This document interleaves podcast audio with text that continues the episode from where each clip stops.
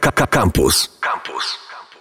Witold Szabłowski jest gościem Radio Campus. Dzień dobry. Dzień dobry. A przed nami nowa książka Jak nakarmić dyktatora. O tym, i tutaj pożyczam zdanie od ciebie, co bulgotało w garnkach, kiedy ważyły się losy świata. To są rozmowy z kucharzami pięciu dyktatorów. Mamy Idiego Amina, mamy Saddama Husajna, Envera Hodże, Fidela Castro, Polpota i ich kucharzy.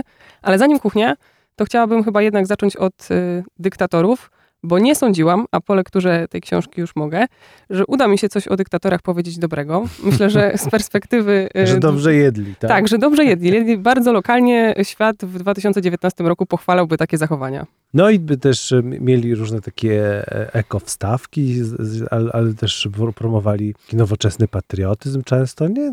Wiesz, nawet o Hitlerze mówiono, że no, drogi zbudował dobre i tak dalej, więc często z dyktatorami jest tak, zauważyłem, że ten schemat się powtarza, że, że ja nawet jestem gotów uwierzyć, że część z nich to byli ludzie, którzy gdzieś tam na początku drogi chcieli dobrze. Tylko przerażające rzeczy się zaczynają dziać w momencie, kiedy o, o nich wciąż chcą dobrze, ale rzeczywistość zaczyna im zgrzytać. To chyba wtedy się zaczyna proces stawania się dyktatorem. Jak ty chcesz dobrze, ale rzeczywistość zaczyna stawiać opór. No więc trzeba tą rzeczywistość ukarać i, i to jest początek dyktatury. Wróćmy na te stoły. Y, jedli lokalnie to raz, ale to, co dziwi, to to, że przy takich szalonych, nieobliczalnych osobowościach, y, często tako, takich bardzo męskich, któryś z nich prosił o to, żeby gotować mu jak u mamy. Wszyscy właśnie, bo dy dyktator ma to, każdy z nich właściwie miał taki etap, kiedy się jarał, tak? Bo zostajesz dyktatorem, dostajesz władzę i jak powiesz, żeby ci załatwili w grudniu poziomki, to któryś tam z twoich mm, załóżników wsiądzie w samolot i ci poleci do kraju, gdzie akurat poziomki rosną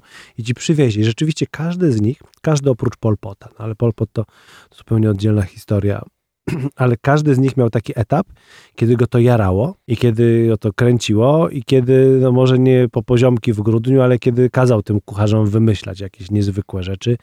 No takim szczytem tego to jest chyba koza pieczona na stojąco przez Otonde Odere, kucharza Idiego Amina w Afryce, ale też każdy z nich y, po dwóch, trzech latach takiego jedzenia zaczyna się tym jedzeniem nudzić po prostu. I to zazwyczaj dyktator to jest e, chłopak, który jednak nie dorastał w luksusach, tylko się musiał łokciami dobić w to miejsce, w którym jest. No i prędzej czy później zaczyna tęsknić za kuchnią mamusi.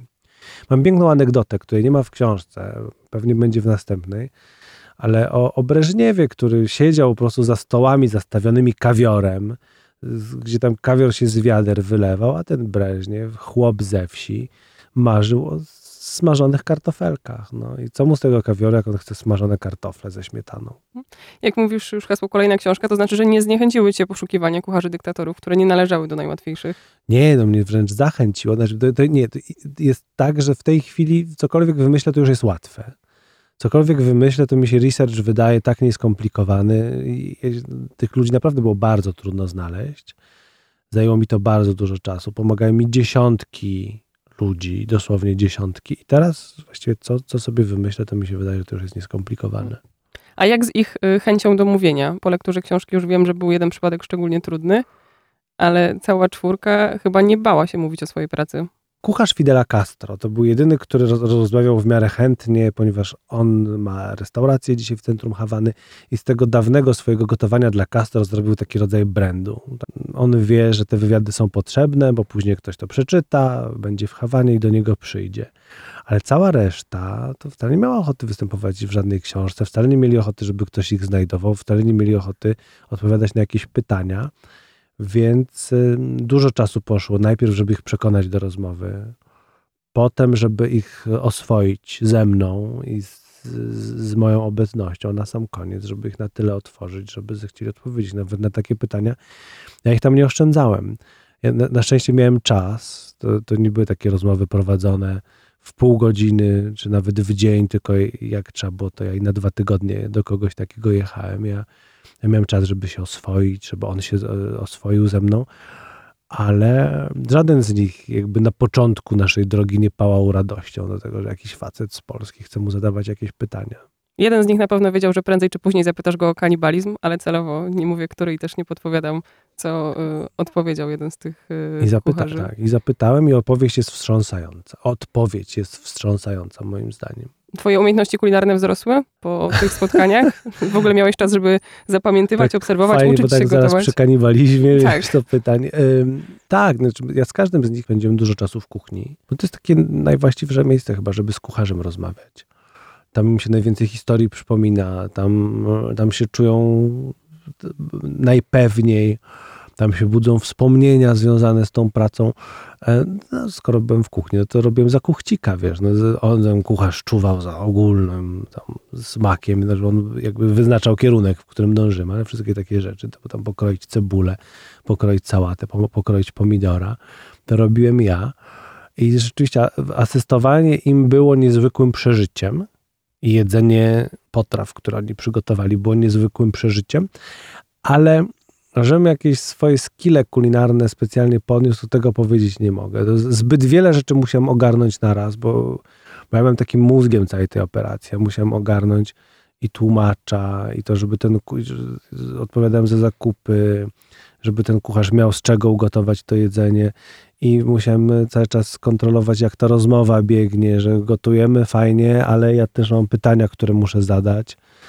E, I było tyle rzeczy, na których się musiałem skupić, że, że super by było kiedyś z nimi, super by było kiedyś z nimi naprawdę tak pojechać i tylko gotować. Mnóstwo emocji, historii wokół tych y, profesji jeszcze przed nami, ale chciałabym tym razem zacząć od y, wynagrodzeń po prostu, bo okazuje się, że na przykład będąc kucharzem Saddama Husajna, co roku otrzymuje się wielki nowy samochód. Można wnioskować, że gotowanie dla dyktatora to była rzecz opłacalna. Wiesz, opłacało się i się nie opłacało. No ja zawsze, jak, jak ktoś mówi, że, że oni byli, byli takimi trybikami tych reżimach, to mówię, że tak, to prawda, ale że w dyktaturach kat i ofiara to często jedna i ta sama osoba, tylko jednego dnia jesteś katem, kolejnego dnia jesteś ofiarą. I, i ci kucharze też są do, dobrymi przykładami na to. No, naj, najlepszym przykładem są chyba żony Idiego Amina, które z jednej strony miały mnóstwo profitów z tego, że były żonami prezydenta, ale koniec końców dwie z nich zostały zabite, z czego jedna poćwiartowana. E, I tak samo jest z kucharzami, że to są ludzie, którzy mają, dopóki pracują dla dyktatora, mają z tego profity. Samochody, o których wspominałaś, no to, to kucharz Sadama Husajna zmieniał je po prostu co roku. Saddam mu kupował nową brykę.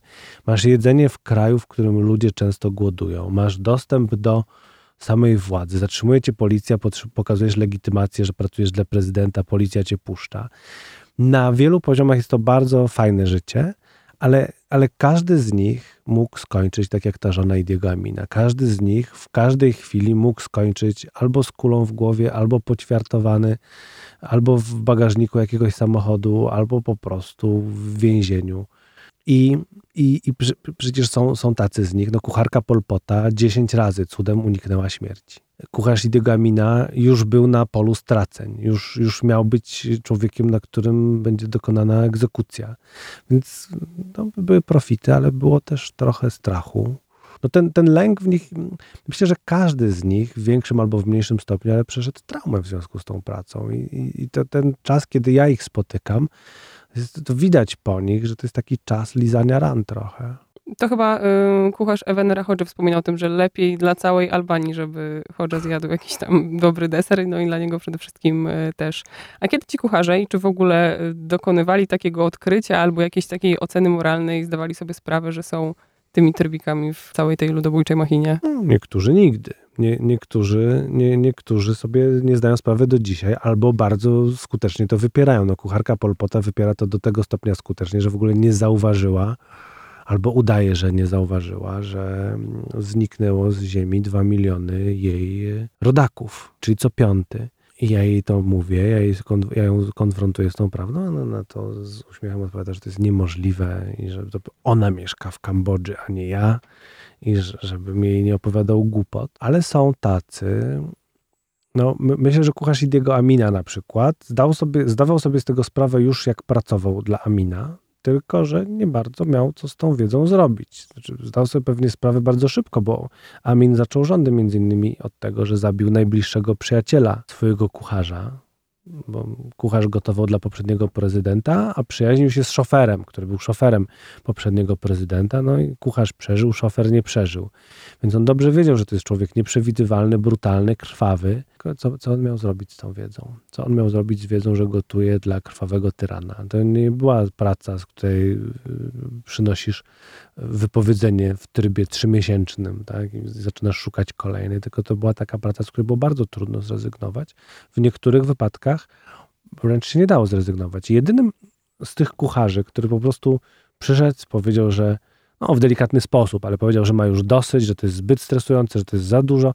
To był kucharz Sadama Husajna. Mówi, że bał się strasznie, ale że też wyczekał taki dobry moment, że Saddam wzmacniał swoją ochronę e, i, i on pomyślał, że być może Saddam będzie chciał wziąć kogoś ze swojego klanu na kucharza. Kucha, ten, ten, z którym ja rozmawiałem, był spoza klanu Saddama.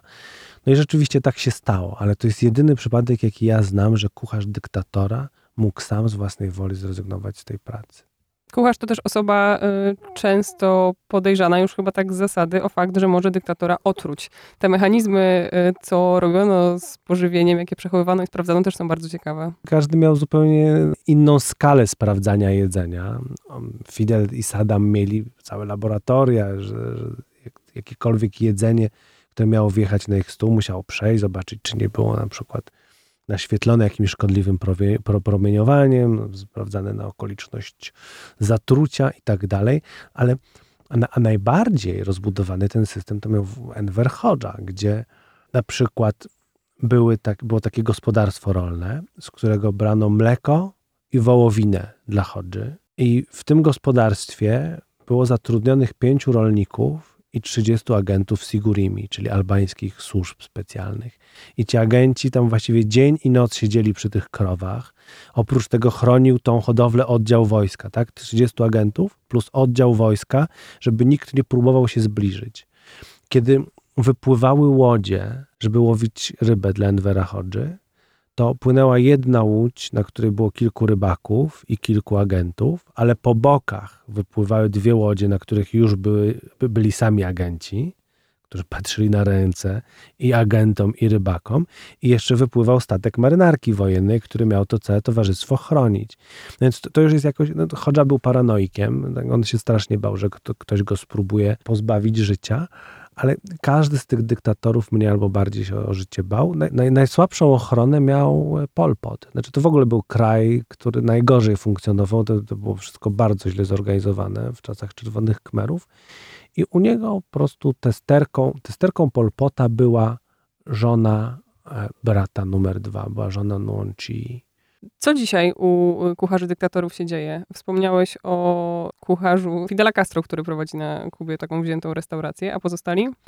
No, kucharz Envera Hodży też prowadzi restaurację, ale dużo, pra, pracuje bardzo mocno poniżej swoich możliwości. To znaczy pracuje, ma, restaurację, do której przychodzą robotnicy budowlani. Kucharka Polpota, jak na kucharkę człowieka, który zlikwidował pieniądze i który kompletnie nie chciał mieć nic, nic wspólnego z kapitalizmem, radzi sobie świetnie, ma stację benzynową, sklepik, spory kawałek ziemi, który teraz oddała w arendę, ale na którym jest restauracja. Ona była właścicielką tej restauracji jeszcze parę lat temu. Kucharz i Diegamina jest bardzo biedny i, i klepie biedę i choruje dosyć ciężko już w tej chwili. Kucharz Sadama Hustajna bierze jakieś zlecenia na boku, gotuje na weselach, i robi wszystko, żeby, żeby nikt się nie dowiedział, że on gotował dla Husajna, bo to jest ostatnia rzecz, na którą ma ochotę, że on ugotuje na jakieś wydarzenie, tak to może być wesele, to może być rocznica ślubu, gotuje też ludziom obiady, no, bogatym Irakijczykom, którym się nie chce gotować. Praktycznie żaden z jego klientów nie wie, e, kim jest ten sympatyczny starszy pan, który dla niego gotuje. Kim był, kim był jeszcze 15 lat temu. Witold Szabowski był gościem kampusa. Dziękuję. Dziękuję. Jak nakarmić dyktatora to jest książka, o której rozmawialiśmy. Kampus, kampus, sztosy, sztosy, same sztosy.